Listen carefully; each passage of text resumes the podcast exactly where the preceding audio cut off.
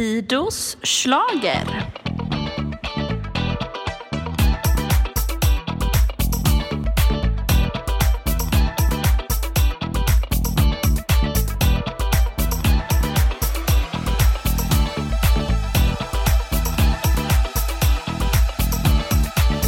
Där kör vi! Whoop, whoop. Okej, vi är inne i eh, Melodifestivalsveckan. Eh, och på lördag är det första deltävlingen i Melodifestivalen 2021. Är inte det lite sjukt? Ja men det liksom, min moster sa idag liksom så här. Ja men håller du på med det där fortfarande? Eller håller, håller det där på? Liksom, Jag bara, men ja, är det, är det något som ska bestå så är det väl ändå Melodifestivalen. Ja men verkligen, men jag har också hört må- många tycker jag, fler i år än vad andra år som är så här: oj, är det, börjar det redan nu? Att det känns som att, i vanliga fall tycker jag det känns som att folk vet att det börjar. Nu tycker jag att jag har hört ganska många som är lite förvånade att det redan är dags. Men jag Ja. tror att det har inte det. Jag tycker också att januari har gått otroligt fort. Alltså jag tänker att eh, folk tänker kanske att åh, allting går så sakta, men det här coronaåret har ju bara flugit iväg. Mm. Så liksom, jag tänker att det finns någonting i det att tid, tidsuppfattningen är lite skev hos alla. Och därför känns det som att oj, det är redan dags. Ja. Så är det nog. Men vi ska också säga välkomna till Fidos slager till alla lyssnare som har eh, klickat igång detta avsnitt. Och, eh, ni som har lyssnat på Fidos slager förut vet eh, lite vilka vi är. Det är jag som är Fido. Sen så har vi Jakob med oss och vi har Johannes. Hej hej. Hallå! Hej hej. Och eh, vi kommer idag helt enkelt peppa järnet inför lördagens deltävling. Vi har lyssnat på de enminutersklippen som finns på eh, SVT Play och i Melodifestival-appen. Sen kan det variera lite i hur mycket vi har läst på andra ställen och lyssnat på. Det dyker ju upp lite överallt i olika medier, eh, information höll jag på att säga, och sneak peeks. Men eh, först bara en kort recap. Senaste avsnittet så hade vi Peppe med oss. Hon berättade lite om att allt kommer ju spelas in på Annexet, det kommer ju inte vara någon publik såklart och så vidare. Och eh, så är, blir det ju för typ alla uttagningar i år till Eurovision. Eh, Norge har ju varit igång ett par veckor, lite drygt, så att säga. Hur många deltävlingar har de haft? Fyra? Tre? Tre? Tre tror jag. Ja, tre. De har, sin fjärde deltävling nu på lördag. Eh, då. precis, de har ju liksom något helt annat system än vad vi har i Sverige. Eller helt annat, men de, i deltävlingar kör de någon slags dueller. Mm. Det är fyra låtar som tävlar i två dueller och sen är det två låtar som går vidare till en guldduell och sen går en vidare till finalen. Eh, och jag har ju varit med och röstat. Det här är, det, nu har jag en fråga. alltså, eh, jag, i, i, I Norge har det varit så att ja, men det är bara att logga in på någon slags hemsida och så kan man ge poäng och hej och hå och så får man rösta i de här. Och jag har ju registrerat mig som att jag bor i Sydnorge liksom. Men eh, är det så att vem som helst, eh, för där är ju uppenbarligen då, ja, men bara man har en mejladress så kan du rösta. Men är det så, blir det så i svenska melodifestival-appen också? Att liksom, bara du har en mejladress och kommer in i appen så kan du ju hjärtrösta. Eh, det här känns ju som en eh, fråga vi får, måste ställa till Peppe. Men Ja. jag tänker att eh, det som är skillnaden är ju att Melodifestivalen är en app. Och den kan man ju geolocka. Alltså att man inte till exempel kan ladda ner en app om man inte är i Sverige. Just det. Och det tänker jag att det kanske är sättet de har eh, fixat det. För att det, kan ju, det har ju inget med telefonnummer eller bank-id och man behöver registrera för att Nej. det är ju precis. barn som har den också. Mm. Så eh, jag minns inte, det var ju du som registrerade det senast som solig blodgivare. Ja, Du- exakt. Precis. Men nu på något vis, jag har ändå lyckats komma tillbaka till mitt gamla konto. Det var ju skönt, för du behöver jag inte jaga. ja, Det är ju mycket Allstars-kort ändå. Så. Och det har blivit bara fler och fler och jag har sån panik, det är så många. Ja, hjälp. Jag har fortfarande, jag, än så länge har jag inte fastnat i det i år och det kan ju vara skönt. Men vi får väl se hur lång tid det dröjer innan jag är helt fast som Jag tänkte, jag tänkte säga att det är ju ett mirakel som har skett i så fall. Att du inte har fastnat än. någon som jobbar lite mer i år än förra året kanske. Kanske, kanske. Det är bara att se på den där kategorin programledare så är det, det finns tio kort att eh, liksom få just nu. Men de är numrerade upp till 130 så man bara, åh hjälp, det kommer liksom komma nya hela tiden. verkligen, verkligen. Ja men Norge har ett helt annat upplägg men det som är lika är ju ändå det här att man spelar in utan publik där man i vanliga fall brukar ha en publik. Och det är ju också har jag hört någon typ av eh, Alltså Eurovision har ju gått ut med och sagt att vi vill att ni spelar in som en reserv ert vinnarbidrag eh, på plats och att ha, så kan vi ha det som någon typ av reservgrej att, att visa upp i Eurovision. Alltså vinnarbidraget blir eventuellt det som vi tävlar med, alltså det vi spelar in är det vi tävlar med. Precis.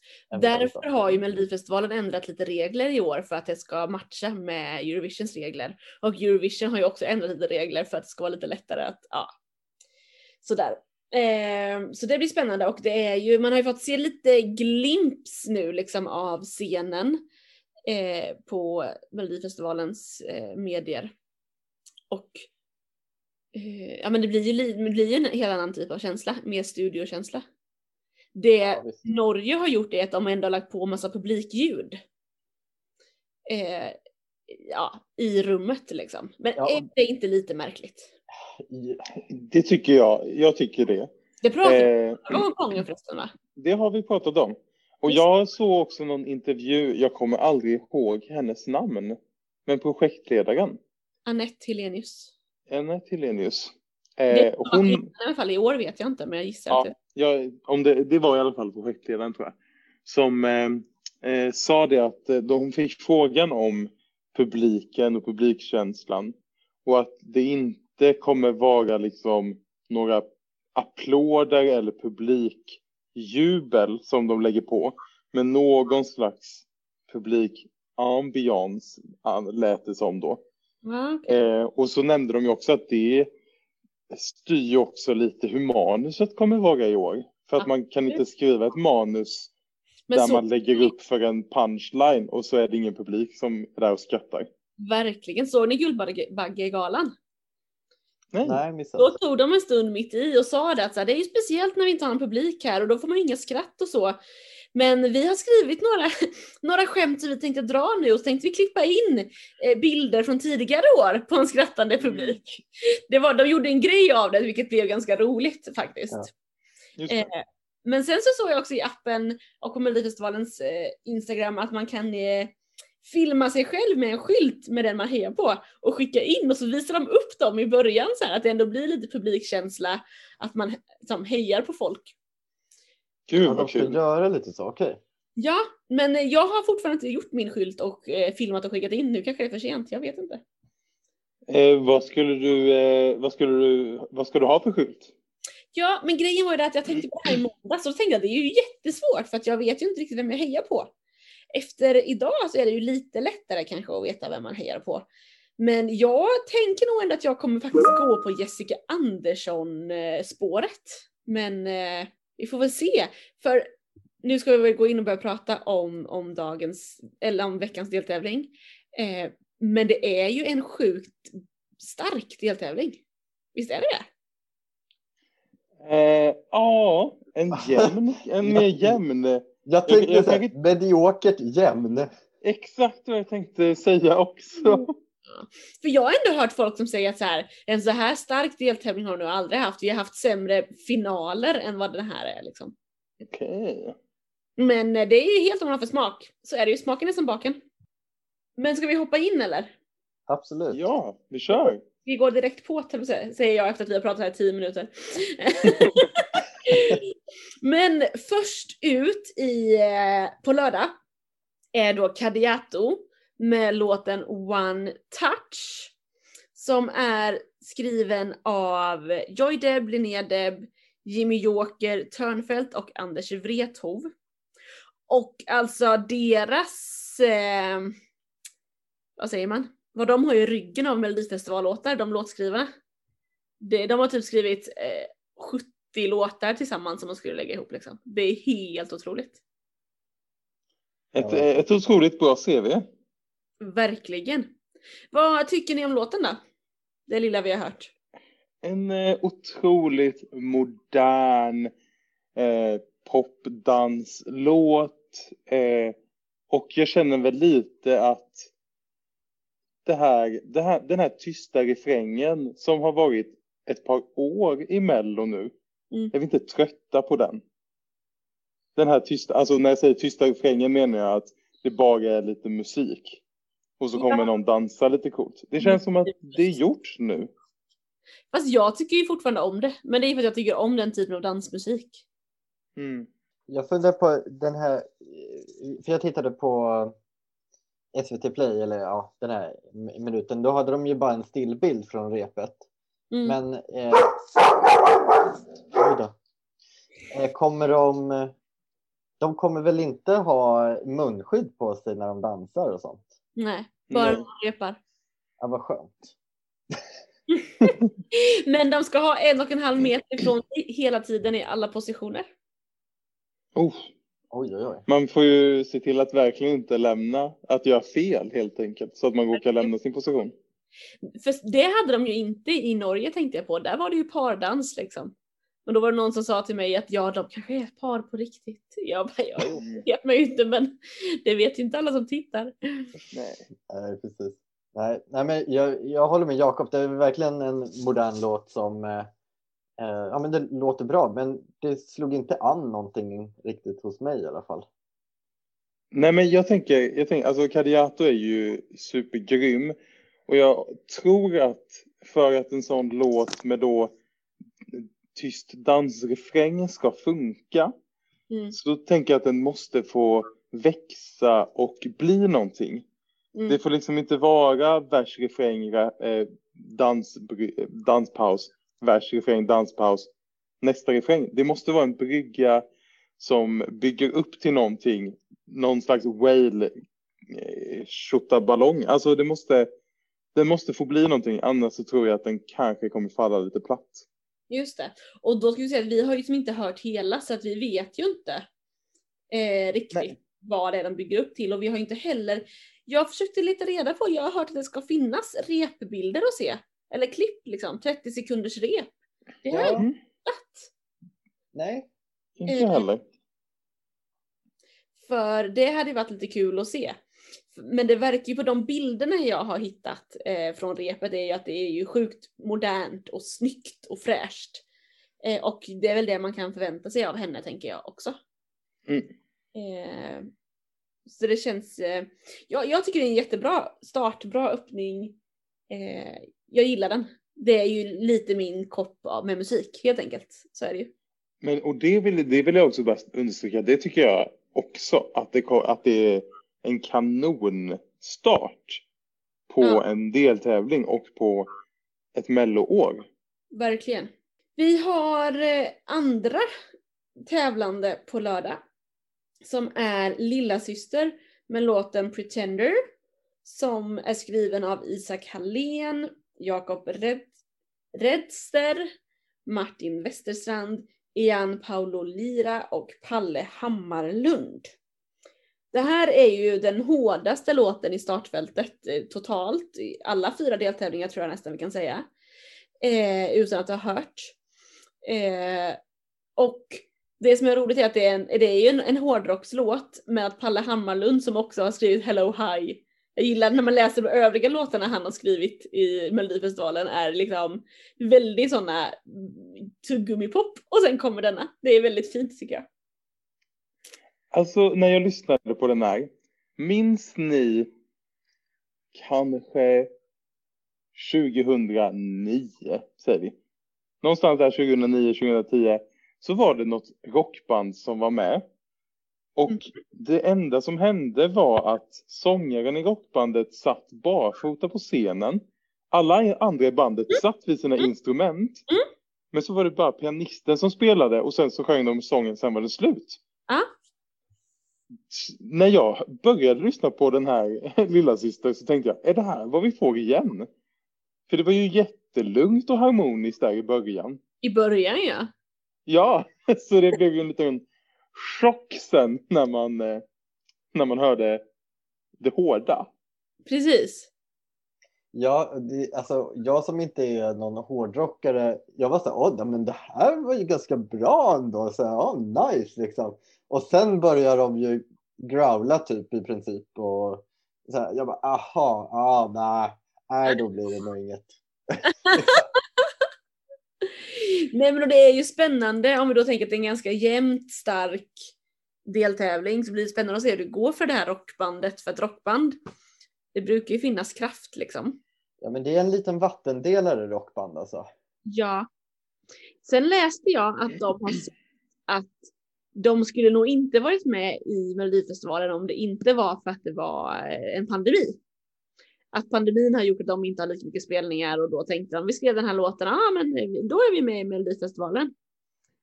Eh, och det var lite intressant, för jag funderar på om det är många eh, artister och grupper som det som går in under den. Det kan det nog säkert vara. Jag tror också det, att det är en del men, som men, lättövertalade i år. Men det, jag tänk, ja, eh, så här, men då tycker jag typ att det är roligare att det är så här, ja men att, låt oss säga om Danny skulle varit en sån som är lättövertalad att vara med. Det var han jag tänkte på ungefär. Ja, det var det jag tänkte att du tänkte på. Men då tycker jag nog att det är lite roligare att, att, eh, att lilla syster får frågan och är så lättövertalade att vi får in någonting som kanske inte är så himla typiskt Mello. Mm. Eller liksom, mm. vi, vi får in den där lite nischade eh, growl-rocken som kommer var tredje, var fjärde år. Mm. Eh, att liksom, det känns ändå kul. Sen är ju, en fråga är ju, eh, kommer hårdrocksfansen att titta på Mello i år? Gör de det något år? Är det någon som, kommer, är det någon som tittar på Mello som kommer gilla det här? Är ju frågan. Men som sagt, det finns ju en historia av att rockband ofta gått till final. Eh, mm. och kanske att det även är så att de, det finns inte så mycket annat för rockband, rockfansen att göra heller en lördagkväll i februari. Utan då kollar man. Jag vet inte, det är ju... Ja, det är helt sant. Ett sätt att resonera och tänka är ju att så här, okej, okay, det kan kommer vara jättemånga fler som röstar och engagerar sig i år på ett helt annat sätt. För att det konkurrerar inte med lika många andra saker.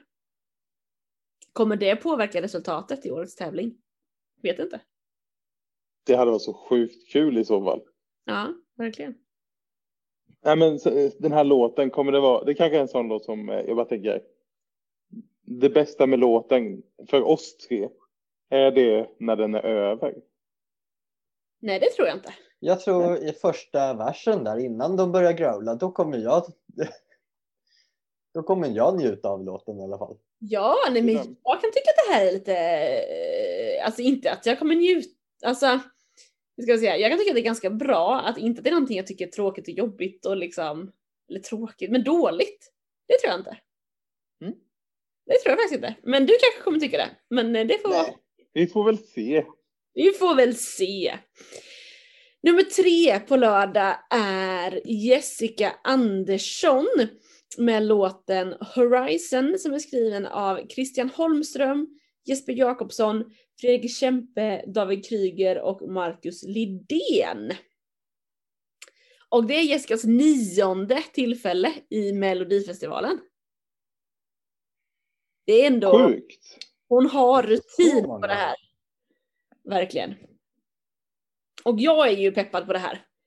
Jag, är, jag kan säga så här, jag har inte varit en Jessica Andersson-fantast. Eh, fram till 20, när hon tävlade 2018 med Party Voice. Då gillade jag henne, men innan det har jag inte varit någon Jessica Andersson-fan. Mm. Eh. Men är du så mycket ett fan efter Party Voice? Eh, för att fans är ju sådana som älskar allt någon gör. Ja, Känner nej. du att, jag menar, jag menar, känns det som att du älskade Party Voice så mycket, vilket gör att du gillar den här också? Ja. Och, ja. Så tror jag nog att hon var. Ja, Fast om hon hade gjort en Charlotte Perrelli, som vi kan återkomma till vid ett annat tillfälle vad det var, då hade jag ju inte älskat den. Alltså om det var en dålig låt. Nej, okej. Men det är, ju, det är ju en väldigt annan låt än Party Voice. Det är en annan låt än Party Voice, absolut. Det är ju en, en vuxnare låt har hon sagt själv. Jag vet inte om vi håller med om det. Men alltså, jag tycker inte att hon gjorde Party Boy så himla bra. Eh, jag tycker att den här är en låt som passar Jessica Andersson mycket bättre. Mm. Eh, så, och, och jag var också, alltså den lilla minut jag hörde av den här låten så var jag så här, hmm, ja men det här var faktiskt, det var ju bättre än vad jag hade förväntat mig av henne. Eh, och eh, det man har sett några bilder från repet så blir jag också så här, hmm, ja men det här kan vara något, alltså Ja men lite så, eh, eh, ibland så är det så här, de här schlagerdrottningarna liksom. Ibland kommer de bara och in och visar var skåpet ska stå på något vis liksom. Mhm. Eh, lite den känslan fick jag på henne så att eh, ja, ja, jag gillade den här faktiskt. Absolut. Ja, alltså någonting som jag har tänkt mycket på. Eller det finns, det finns något skämt jag har hört i någon podcast om svensk popmusik som slog eh, i, internationellt på 90-talet eller innan dess. Tänk er typ Roxette. Mm. Att när svenskar skriver musik på engelska så doesn't it make sense. I den här låten sjunger hon It was so easy to fall in love in the backyard. And now I want to paint the horizon. Ursäkta, va? Jag, det är som jag hörde en minut av den här låten och kände jag har redan hunnit analysera texten och fattar noll. Det är en så konstig text. Det var det enda jag ville säga. Oj, jag har inte analyserat denna text. Har jag inte hunnit med än. It Eh, was so easy to fall in love in the backyard. nej, in your backyard. Förlåt, in, jo, det, det, ja, nu fattar jag allt. Allt, ja, Ja, precis. skönt. Eh, ja. Ja, ja, den är konstig faktiskt. Det är lite som att hon är hög och går på droger. Nej. Jo, Okej. Ja men alltså de ska till något... Eh. Eh, we were kids, nothing could stop us. We built this monster when we were kids. We were kids. So light up the world and paint the horizon. Light up the world for us. We'll go to the lighthouse, find the horizon, light up the world for us. Aj, aj. Ja, det är säkert jättebra text. Men Man kan ju alltid tolka en text som man vill. Men jag tänker att hon ändå, för det vi hörde, jag hörde intervju med henne att det också är så här att hon bara, jag är ju, hon är ju nästan 50 år gammal och så här bara, jag måste inse det, inte måste inse det, men alltså jag kommer inte ha några kort, korta shorts som jag hade när jag var 30 liksom, eller vad hon nu var när hon hade dem. Ehm, utan att det kommer, det kommer vara mo- ett mognare uttryck och det tänker jag texten också. Så här, att hon sjunger väl, se tillbaka på någon relation eller vad det nu är. Ja. Ja.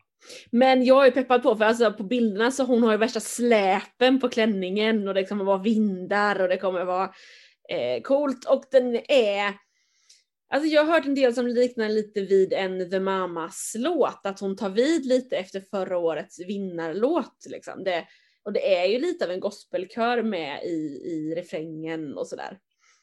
Eh, så att jag, jag ser verkligen fram emot att se det här vad det blir på scenen. För sjunga kan hon ju. Eh, men det är ju absolut inte en party voice. Det är det ju inte. Utan det är något annat. Ja, verkligen. Ja, det är lite spännande att se vad hon hittar på. Absolut. Sen har vi ju, är vi på fyra nu då, eller på fem? Eh, Fyra. Fyra. Då, det här har vi ju förra årets eh, stjärnskott, höll jag på att säga. Paul Ray med The Missing Piece. Eh, som är skriven utav Laurel Barker, Paul Ray och Fredrik Sonefors. Eh, och det är väl en ganska given uppföljare? Är det inte det? På Talking in my sleep? Eh, Jaha. Nej, jag tänker att det är lite så här, man känner igen det. Att det är så här, ja men det var ungefär det här jag trodde han skulle komma med. Ja, fast Jo. jag blev besviken. Jag trodde mer om... För jag vart ju så himla såld förra år- året på Paul Ray. och tänkte att nu, nu är det hans år och liksom så här. Men mycket hänger ju på låten. Och jag, jag fastnar inte alls för den här låten. Nej men jag funderar, för att det kändes ju som att den här hade ju ändå, den här hade ju lite härliga influenser av country, kändes det som. Mm. Tyckte jag. Och det är väl också en slags vattendelare i den genren. Att antingen så tycker man att det är jättehärligt i popmusik med dem, eh, den country-delen, eller så tycker man att det är bara liksom placé och lite tönt typ. Mm.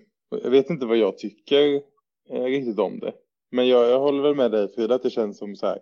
Ja, det, han har skrivit en, en bra låt. Så han kommer tillbaka med den typ. Ja. För jag var kanske inte. Jag vet att det var väldigt många som var typ golvade av honom förra året. Just det. Och det var inte jag riktigt. Så därför känner inte jag. Jag känner inte någon du har inga förväntningar. besvi... ja, men jag, jag har inga förväntningar så jag känner inte. Känner ingen besvikelse för att han kommer med den här låten. Det är väl jättekul för honom. Typ. Ja, jag är besviken. Ja. Men det blir spännande för det verkar som, han säger ju själv att låten är som en resa, den börjar intimt och så växer den och växer den. Och då tänker jag att den minuten vi fick höra var i låten är den, det påverkar ju också upplevelsen av hela låten. Eh, Exakt. Och den här lilla stillbilden som man såg till låten. Det mm, tyckte jag såg så ganska snyggt ut. Jag tänker att det kommer bli ett snyggt nummer. det tror jag. Han kommer, det står att det ska vara ett rum i fyra delar som byggs ihop under numret. Mhm. Wow, architecture. Det kan vara lite coolt. Eh, Var läste du det någonstans? i bidragsbibeln på melodifestivalen.se. Vi går till eh, bidrag nummer fem. Som då är Arvingarna. Med låten Tänker inte alls gå hem. Skriven av Stefan Bruntzell, Nanne Grönvall, Thomas Gesson och Bobby Ljunggren. Har vi också ganska många ruttonamn alltså. Eh, de blev ju superpoppis med I Do 2019. Barnfavoriter. Men det här är väl ändå en tydlig uppföljare på I Do? Absolut. Jag tyckte då... Ja. Nej, jag tyckte bara att... Jag håller väl med, men jag tyckte att det här var typ en mer tydlig dansband än vad I Do var. Jag tyckte att det här låt, lät mycket mer som att nu är jag på dansbanan. Mm. Här ska jag bugga. Mer nu än förra året. Ja, ja men eh, det kan jag nog hålla med om. Men jag, hör, alltså, jag kunde nästan höra I Do-slingor liksom i den här låten också. Mm. Så att det, den var verkligen i samma ton. Så att eh, ja, det blir väl... eh, Men ja, jag vet inte om de kommer göra något spännande på scen så. De kommer att stå där i, i, på led och sjunga. Ja. Eller? Det verkar som det. De har lite Kommer, folk, skyltar är det bara. kommer folk då vara trötta på att se fyra eller fem, hur många är de ens? Fyra eh, medelålders män stå på rad och hålla i ett mixtativ. Alltså kommer, eftersom det är då exakt samma låt som I Do, det är exakt samma gubbar och det kommer vara exakt samma scenuttryck. Mm. Kommer det gå hem ens? Eller så är det det som går hem. Det är ju det, det, det, sånt tycker jag är så sjukt svårt att veta. För annars är det så här, Ja, liksom, folk älskar det för att de känner igen det och det är liksom trallvänligt och det är tryggt på det sättet. Ja, är det trygghet vi söker detta året? Det kanske är det. Nej, Jag vet inte. Men och sen är det ju det här med att tänka att eh, dansbandspubliken är ganska stor. ja. Så. Men Arvingarna har ju aldrig varit någon, jag, jag tycker de är lite trevliga och klämkäcka men det är ju ingenting jag lyssnar på eller som jag längtar efter eller på något sätt går igång på så att säga. Vi går vidare till bidrag nummer sex tycker jag. Som är Nathalie Brydolf med bidraget Fingerprints. Skrivet av Laurel Barker, det var andra bidraget i den här deltävlingen. Och sen har vi då Anna-Klara Folin, Andreas Stone Johansson och Etta Selmani. Eh, och Jag tänkte säga på tal om låtar som Frida inte går igång på. ja, you know me too well. Nej, Hon är ju jätte, en jätteduktig sångerska och en, en pampig, fräsch ballad skulle jag väl ändå säga. Sen är jag lite, jag har, är lite fascinerad tycker jag. Många senaste eh, tiden har det dykt upp mycket folk på tv som är med i många olika typer av program. Här om kvällen när jag kollade på Idol, jag bara nej men de här var med i första dejten senast jag kollade på det. Och sen så kollade jag på eh, Talang igen. Och så bara nej men den här har ju varit med i, eh, och så var det något annat. Han sa själv, jag kände inte igen det, var, om det var Paradise Hotel och något mer. Och sen kollade jag på Idol. Jag bara, nej men han har ju varit, alltså det är som, folk är med i så många olika konstiga program. Här har vi ju en till sån då. Att Nathalie var med i Idol, det är ju inte så konstigt att vara med i Idol och sen i Mello. Men däremellan så klämde hon in Bachelor också förra året. What? Mm. Ja! Så det är ju, jag tycker det är lite märkligt ändå med hela det här tv-fenomenet. Att man är med i, i både datingprogram och talangtävlingar liksom. Men jag tycker typ att det är god, eller så här, det känns kanske mer vanligt att någon är först med i något så här eh, Paradise Hotel eller något datingprogram och sen söker sig vidare till så här, åh, nu vill, behöver jag mer airtime för att få mina Insta-followers. Så nu är jag med i Talang och gör bort mig typ. Men det är ja. lite kul att någon som så här har varit seriöst med i Idol kommit typ femma. Nej, nu ska jag söka kärleken i Bachelor. Ja. Det tycker jag är väldigt uppfriskande. Men eh, hon vann inte eller? Nej. Nej okej. Men Syns de, för henne. Ett sångnummer och grejer någon gång. Jajamän. Det enda gången jag kollade på Bachelor var det, det ja. hon var med. Ja. Men jag, jag tycker ändå att jag gillar låten men sen har jag en tendens att tycka att såna här ballader blir lite för tråkiga. Eh. Och det är svårt att veta när man inte har sett hela.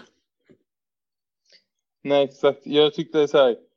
Jag tyckte väl att det lät som en ganska, ja men, ganska klassisk ballad mm. ändå. Det, den hade ju inte lika tydliga så här moderna sound som till exempel Norge förra året. Eh, man hade ju kunnat tänka sig att de hade gjort någonting som försökte spegla det på något sätt. Men det tyckte jag nog inte av det man hörde. Nej, och sen så här, effekter och rekvisita, två fläktar och rök. Jag bara, ja. Klassiska balladattitut. Ja, visst. Men det kan ju också, men det är ju, det är ju ett tag sedan som det gick riktigt bra för en ballad. Jag tänker förra året hade vi lite hopes för, för, för, för, förra året hade vi lite förhoppningar på Faith Kakembo. Men det blev, gick ju inte hela vägen heller liksom. Nej. Ehm. Men vi går från en smäktande ballad till ett partynummer utan dess like, tror jag. Med Danny Saucedo. Bidraget heter Dandy Dansa och låtskrivare är Carl-Johan Råsmark och Danny Saucedo. Yes! Han har varit med en hel del också, bara och tävlat själv två gånger. Sen har han tävlat i grupp en gång, låtskrivare en gång och programledare. Mm. Ja, det är väl ingen som behöver få en presentation av Danny, gissar jag. Men vad, vad tänker ni när ni hör Dannys bidrag? Nej, men jag tycker det, han är ju också en så här superrutinerad och superstabil artist så det kommer ju låta bra. Eh, och jag tycker låten var bra liksom jag kunde känna att det var, eh, alltså det är ju Dannys typ av låt liksom. Eh, men jag, jag, var så här, nej men är det ben, alltså jag fick väldigt så mycket, det här är ju Benjamins sound från liksom, eh, hur hans låtar har låtit förra året liksom. Mm. Eh, tyckte jag, jag kände ju, alltså ja, ju soundet i sig liksom. Mm. Nej men jag tror den här jag skulle gissa på att den här ändå kommer gå bäst i den här deltävlingen ändå.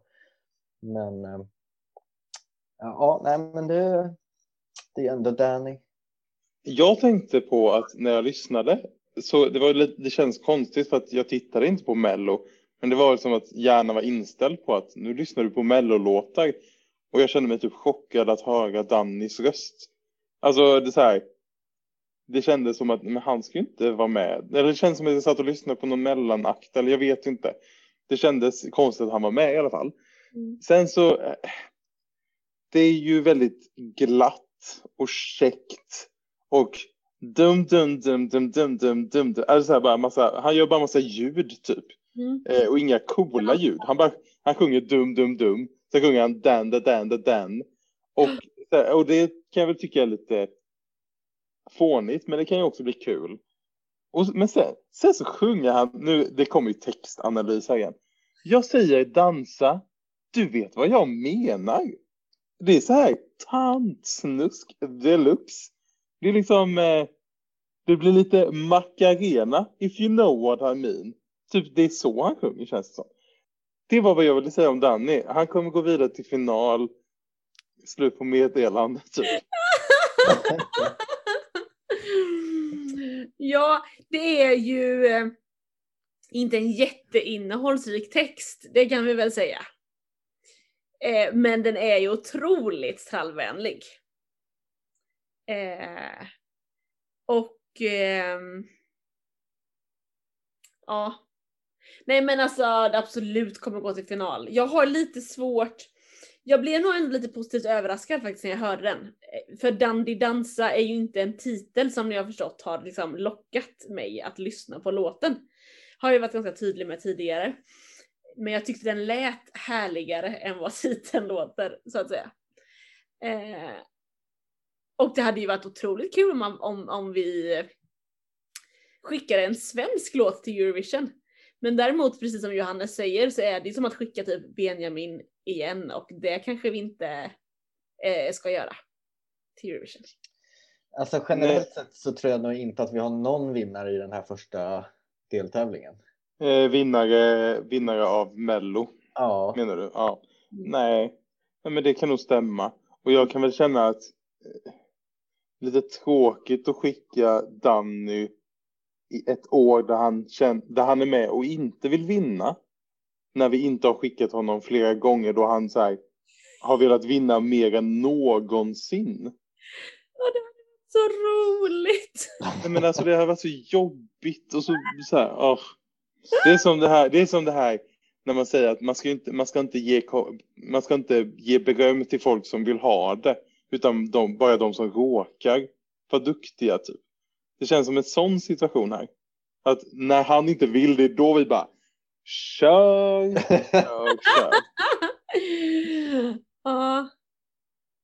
Ja, det blir väldigt, väldigt spännande att se vad det blir. Det som jag tycker är kul här nu är också att se, Danny gör ju snygga nummer. Alltså, jag har varit- har varit på hans krogshow två gånger och jag har sett den på tv flera gånger och blir lika fascinerad varje gång för att det är så otroligt snyggt. Och nu har han ju med sig samma gäng liksom, som både nummerkreatörer och koreografer som har varit, han har jobbat med många, många gånger förut och i sin show. Det kommer ju bli supersnyggt tror jag. Eh, det här tänkte jag på nu, för det här har jag nog inte fattat. Men husdansarna, Ja. är det de enda dansarna som får finnas med i år? Eller får de ha med egna dansare? De får ha med egna dansare. Okej. Tror Jag jag. tänkte om det var något eh, slags, eh, ja, att man var tvungen att kapa ner eh, på corona på grund av det. Men ja, Just det. shit samma. För körare får de ha vilka de vill. Nu är det nog bara så att de som har dansare i den här deltävlingen hade nog husdansare allihopa tror jag. Men eh, Okej. eh, ser det ut som. Men jag har inte hört att man inte skulle få ha, inte få ha andra. Husdansarna tror jag är med i 11 nummer i år. Eh, Oj, det var inte mycket. Nej, men sen tänker jag att det är ganska många som inte har dansare alls också. Eller? Just det, eh, typ lilla syster. Ja men typ lilla syster och Arvingarna och Nathalie tror jag inte heller hade. Jag tror inte Paul Ray hade några heller. Här är det. Kariato, Jessica och Danny som har. Eh, har jag förstått det som. Men eh, kan man få till någon typ av tippning nu då? För visst är det... Nej, oh, det känns svårt tycker jag. Ja, det är ganska svårtippat. Det är ju en, alltså en väldigt jämn deltävling, så det gör det ju svårtippat. Men det, jag har i alla fall två som jag är så här, de här åker ju ut. Vilka då? Fast nu vart jag ju osäker. Paul Ray kommer ju åka ut i alla fall. Tror du? Oj, ursäkta. Ja, det tror jag. Nej, men alltså det var ju bra.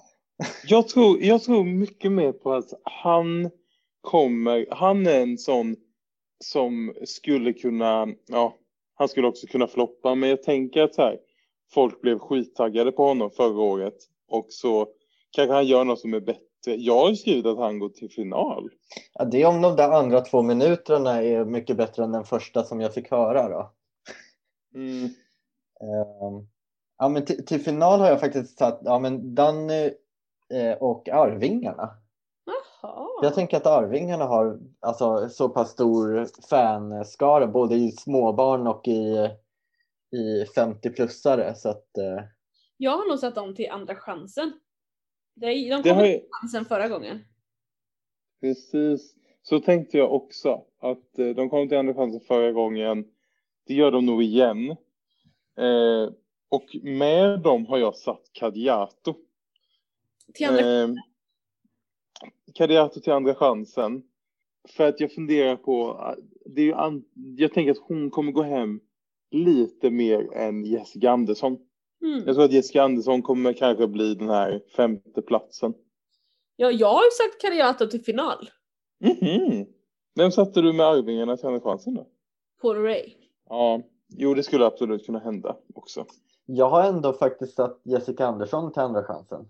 För jag tror ändå att och, eh, alltså om, om man Kadiato är väl debutant i år. Mm.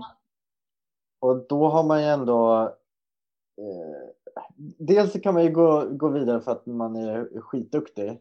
Men man, eh, alltså någon som är folk känner till sedan tidigare har ju ändå ett litet försprång tänker jag. Nu har jag satt både Kadiato och, och Jessica Andersson till, till andra chansen. Jag tänker att Jessica Andersson kommer göra liksom lika bra som Kadiato men hon har lite försprång med att folk känner till henne sedan tidigare. Jag tror att Kariato kommer vara, är ju mycket mer nutida och fräsch och contemporary än vad Jessica Andersson är. Så Ja. därför tror jag att det kommer gå bra för henne. Och jag tänker att hon har också så här, man får inte underskatta idolerna alltså. Hon har ändå kommit tvåa i Idol liksom. Folk har röstat henne till en andra plats. Ja, just det. Precis, för det tänker jag också att eh, liksom alla som, jag tänkte säga alla som tittar på Mello har ju sett Idol, så är det nog inte. Men Nej. en stor del. Så det är inte så att hon är okänd helt och hållet som typ Paul Ray var förra året. Det var ju inte en själ som hade hört talas om honom. Nej, Eh, och han tog sig till andra chansen. precis. Ja. Nej men det kanske är en väldigt jämn deltävling helt enkelt. För jag känner mig inte alls säker på min tippning. Sen ska man ju också säga, jag har ju aldrig känt mig säker på en tippning. Jag har inte tippat full pott någonsin tror jag inte. Nej. Men i år tror jag, jag snabbt scrollade igenom alla deltävlingar här nu och bara inser att det är ju så svårtippade startfält. Kul ändå. Precis, det är superkul! Så här, jag hoppas ju typ att så här, man blir chockad av att någon gick vidare, någon går inte vidare. Och, och sen är det väl också på ett sätt, för jag, jag, jag kan väl inte säga att jag har en favorit, eller det har man väl alltid, men jag, det är inte någon av de här låtarna som jag känner just nu att jag kommer ta till mitt hjärta och begrunda. Eh, men, och då känner jag typ att jag är också mer redo för skrällar.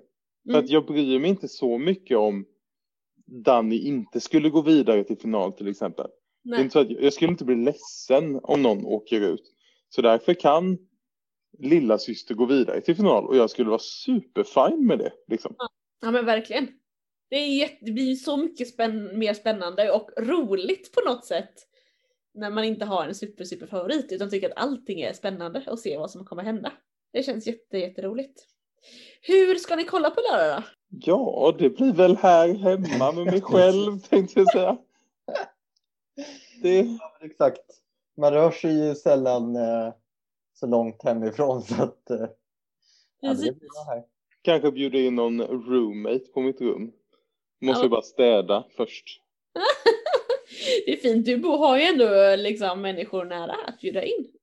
Exakt. När man bor i lite kollektiv sådär. Jajamän. Ja, men det kommer bli superkul eh, att se på lördag. Vi har ju Lena PH som programledare tillsammans med Christer Broman. Vad har ni för feeling på det? Alltså det kommer bli så härligt. Det kommer bli härligt, härligt, härligt. Ännu mer tantsnusk tänkte jag säga. Ja. Det kommer så här, jag får säga, medelålders eh, kalas på Ja. lördag. Med allt. Nej men det blir bra. Vi fick ju lite kommentarer på förra podden när vi eh, var lite, vi var lite skeptiska till Christer Björkman som programledare. Där fick vi ju lite feedback på att han har ju faktiskt varit med i en del sketcher och liknande mellanakter och sådär eh, i Melodifestivalen. Så att han kan, vi ska inte räkna ut honom, var det någon som eh, sa. Och jag har hört lite mer sen ute med intervjuer med Christer Björkman där han säger att han eh, håller på och repar i danslokalen och sådär också. Oj, oj, oj. Oj. Ja, det blir spännande. Verkligen. Så lördag 20.00 är det som gäller. Sen så kommer det en eh, podd nästa vecka igen. Eh, vi ska försöka få ut dem på, sent på torsdagskvällarna så att ni kan lyssna eh, på fredagar och lördagar inför varje vecka. Så eh, alla lyssnare, nej. Peace out. Peace out!